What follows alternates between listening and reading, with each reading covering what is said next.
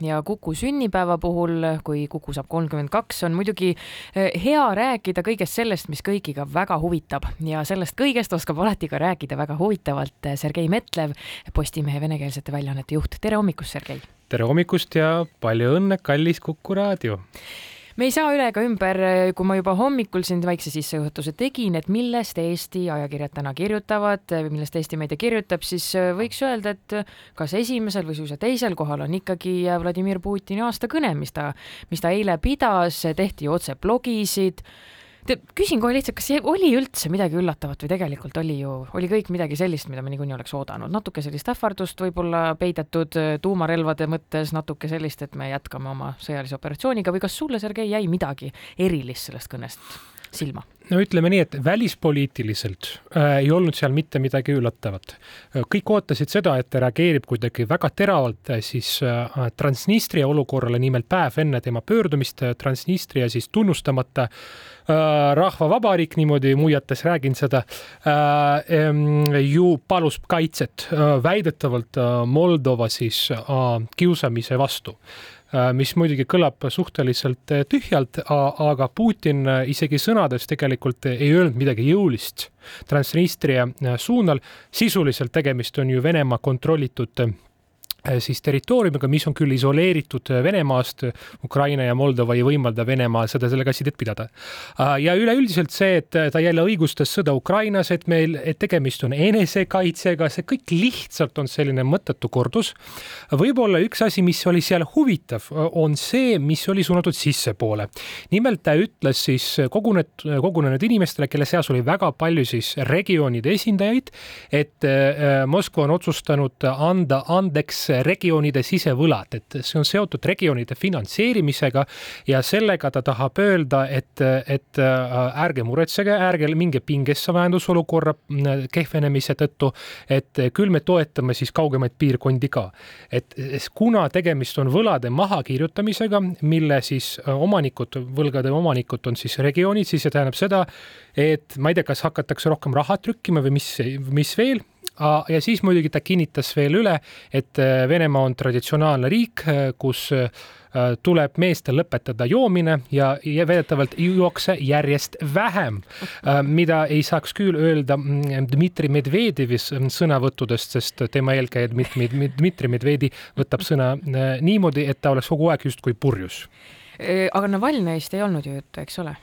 Ei, ta ei nimetanud kordagi tema nime. Putin jäi truuks oma siis traditsioonile, kus ta on alati vältinud Navalnõi nimetamist. Sergei Metlev, mis mind huvitab, kuna ma ise vene keelt hästi ei oska, ei loe venekeelseid lugusid, artikleid, ma ei tea absoluutselt, milline on see tonaalsus, see keelekasutus,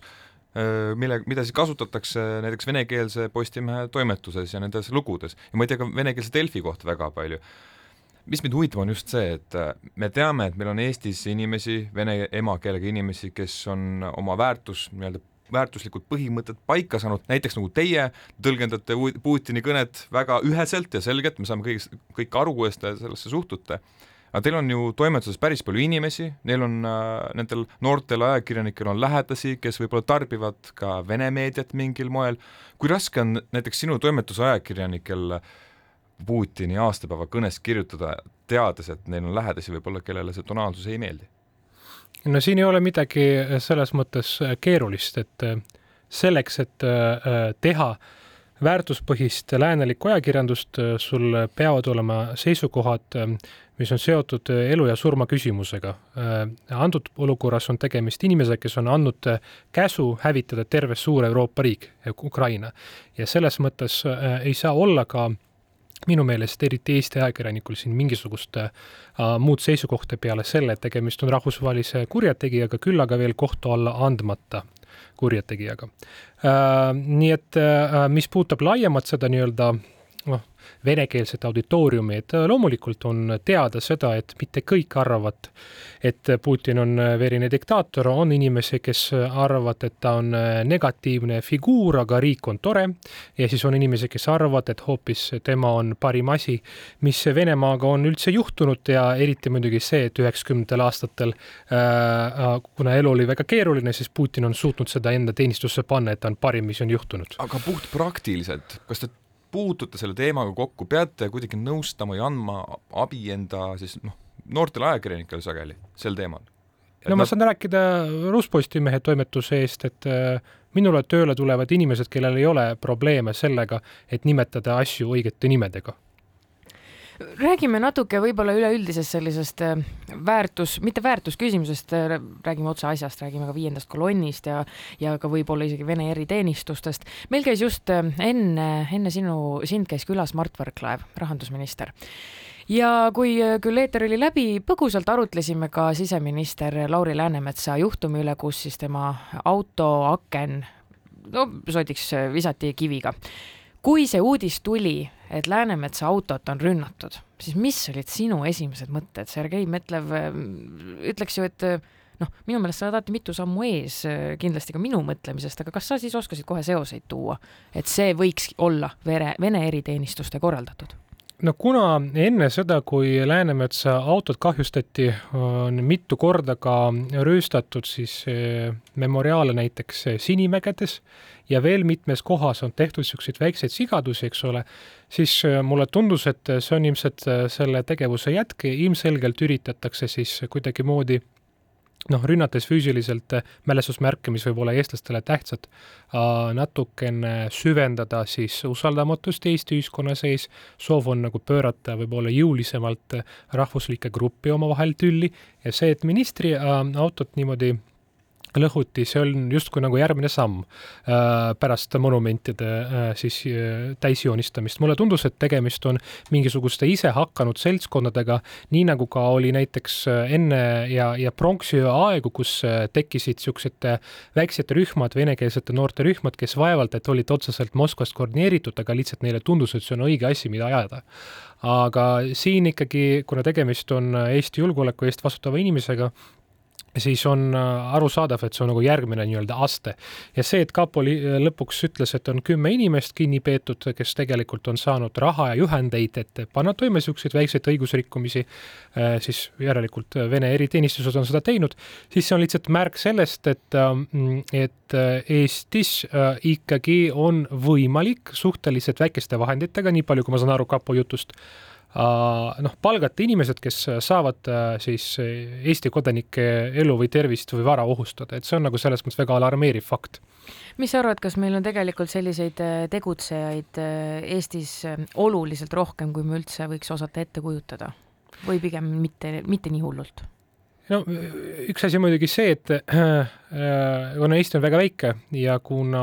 nii palju, kui mina küll vaatan nüüd faktide põhjal, et kapo töötab äh, suhteliselt hästi, siis muidugi lihtne see ei ole, kui sa hakkad niimoodi äh, toimetama siis FSB käsul. suur on tõenäosus, et sa jääd vahele, siis need on väga suured vanglakaristused, aga ma arvan, et kriisiolukorras, kus riik on ohus, kus tänaval on äh, Äh, näiteks meeleavaldused, mis lähevad vägivaldseks või siis lausa sõjaline oht, et seal inimeste psühholoogia muutub väga kiiresti. et äh, mulle väga meeldis see fraas, mida ma kuulsin vaadates traagilist dokumentaalfilmi Kakskümmend päeva Mariupolis, mis vahepeal ka eestlastele on tehtud kättesaadavaks, äh, kus autor ütles, et sõda teeb häid inimesi väga heaks ja halbu inimesi veel kehvemaks, veel halvemaks. Et äh, sellega saab nõustuda ja sama asi on ka, käib suurte kriiside kohta. et kui me vaatame meie siis nagu, kuidas on jaotunud siis integreeritus mööda, mööda venekeelset elanikkonda, siis seal on sees viis-kuus äh, rühma, äh, keda iseloomustab erinev, erinev keeleoskus, erinev side Eesti identiteediga, erinev suhtumine sõtta, Venemaasse, Euroopasse ja me saame öelda, et kindlasti on Eestis inimesi, kes võivad suure kriisi ajal hakata tegutsema näiteks midagi lõhkudes, mitte äh, käsu või raha tõttu, vaid lihtsalt omaalgatuslikult, aga ma arvan, et neid ei ole liiga palju. see on, noh, sõjaolukorras inimene muutub kindlasti, et iial ei tea ju, kuidas meiegi võime käituda, et seda, seda on raske ennustada. aga mida ma tahaksin küsida, et ei ole küll julgeolekuasutuse esindaja, aga, aga siiski, et kas meil Eestis on viies kolonn või ei ole? Tuleb defineerida seda ikkagi ka et.... ehk siis aktiivselt, aktiivne soov ja tahe ja tegutsemine Eesti riigi vastaselt? viies kolonn on organiseeritud, organiseeritud tegevus, kus on olemas äh, juhtimine, kus on olemas nii-öelda justkui noh, liikmed, eks ole, äh, kellel on mingi plaan või strateegia ja nad äh, tegutsevad. selleks, et noh, riiki kukutada või siis siseolukorda pingestada ja nii edasi. et mulle tundub, et sellist tüüpi koordineeritud tegevust Eestis no tegelikult lihtsalt materiaalselt ümberringi näha ei ole ja muidu me oleks seda rohkem tähele pannud, see kümneliikmeline seltskond, keda kapo kinni pidas, me küll ei tea selle toimiku nüansse, aga ma saan aru, kommentaaridest ja sellest, mida nad jõudsid teha, et tegemist äh, oli nagu eeskätt ikkagi nagu selliste üksikute inimeste värbamisega läbi sotsmeedia, kellele anti ülesandeid. et see ei ole veel viies kolonn. nii et äh, viies kolonn on niisugune mugav nagu mõiste, mida kasutada ka ajakirjanduses, sest lihtsalt siis kõik saavad aru, aga reaalselt see on hardcore asi, kui see oleks meil olemas, siis meil oleks äh, vaja palju-palju rohkem sellest rääkida ja me näeks palju rohkem, kui tegelikult on. nii et me kasutame seda võib-olla natuke liiga lihtsalt, seda nime noh, sest on mugav lihtsalt, me, me peame ütlema seda, et Eestis on, on äh, inimesi, keda kapo peaks jälgima. Eestis on inimesi, kes on valmis panema toima Eesti riigi vastaseid kuritegusid ja äh, riburada pidi need asjad ka jõuavad kohtusse läbi aastate äh,. ja meil kindlasti on alust arvata, et äh, noh, Eesti riik ei tee alati kõike, mida ta oleks võimeline tegema äh, selleks, et äh, äh, pakkuda inimestele äh, Eesti narratiivi eriti kui rääkida siis noh, sõjast või siis äh, Venemaa mõjutustegevusest. aga samas on palju räägitud sellistest põrandalustest äh, laskeklubidest, äh, militaarlaskmist harjutavatest inimestest, kes sageli kõnelevad vene keelt, sest et nende jaoks on see oluline hobi. Nende inimeste meelsust me tegelikult ju faktiliselt, mina täna ei tea, aga me võime seda arvata, sellest on kirjutatud ka ju aastaraamatutes mida sina arvad, mida need inimesed teevad selles olukorras, kui näiteks mööda Narva maanteed tuleb Vene tankikolonn? No um, nii palju, kui ma tean, eks ole, Vene kodanikud ja ja Valgevene kodanikud peavad nüüd relvad ära andma, eks ole, see seadus on jõustunud, nüüd see protsess kestab aasta või kaks. et eh, kunagi on räägitud, et need siis seltskonnad justkui kõige suuremad Mm, kõige ohtlikumad, eks ole, noh, see jällegi ei ole üks-ühele, et kindlasti on ka, ja seda noh, on tuvastanud ka tegelikult sotsiaalteadlased, et ka mittekodanike, Vene kodanike seas on Eesti patrioote, kes pigem tõstaks äh, relva Vene vägede vastu, kui nad peaksid siia tulema, aga see, see pilt on lihtsalt kirju seest. aga see otsus on vastu võetud, relvad nad peavad ära andma, aga muidugi need, kes on Eesti kodanikud, noh, et see ei ole, ei ole mingit garantiid, eks ole, et Eesti kodakondsus kuidagimoodi äh, nagu tagab selle, et inimene on valmis Eesti riiki kaitsma, nii nagu põhiseadus nõuab aga mm, eks tegemist on ikkagi no minu meelest päris teemaga, sest kui me kuulsime, mida prokurör heidab ette Aivo Petersonile, endine siis juba või praegune veel Koosi partei juht, kes siis käis Donbassis oma Riigikogu kampaaniat tegemas, et väidetavalt tema üritas organiseerida sellist seltskonda, kes on mittekodanikud ja Vene kodanikud, relvaomanikud, mingisugustesse salkadesse. nii et kuskil seal mingi sussisimine käis, aga ilmselt see on nüüd katkestatud teatud siis sekkumisega riigi poolt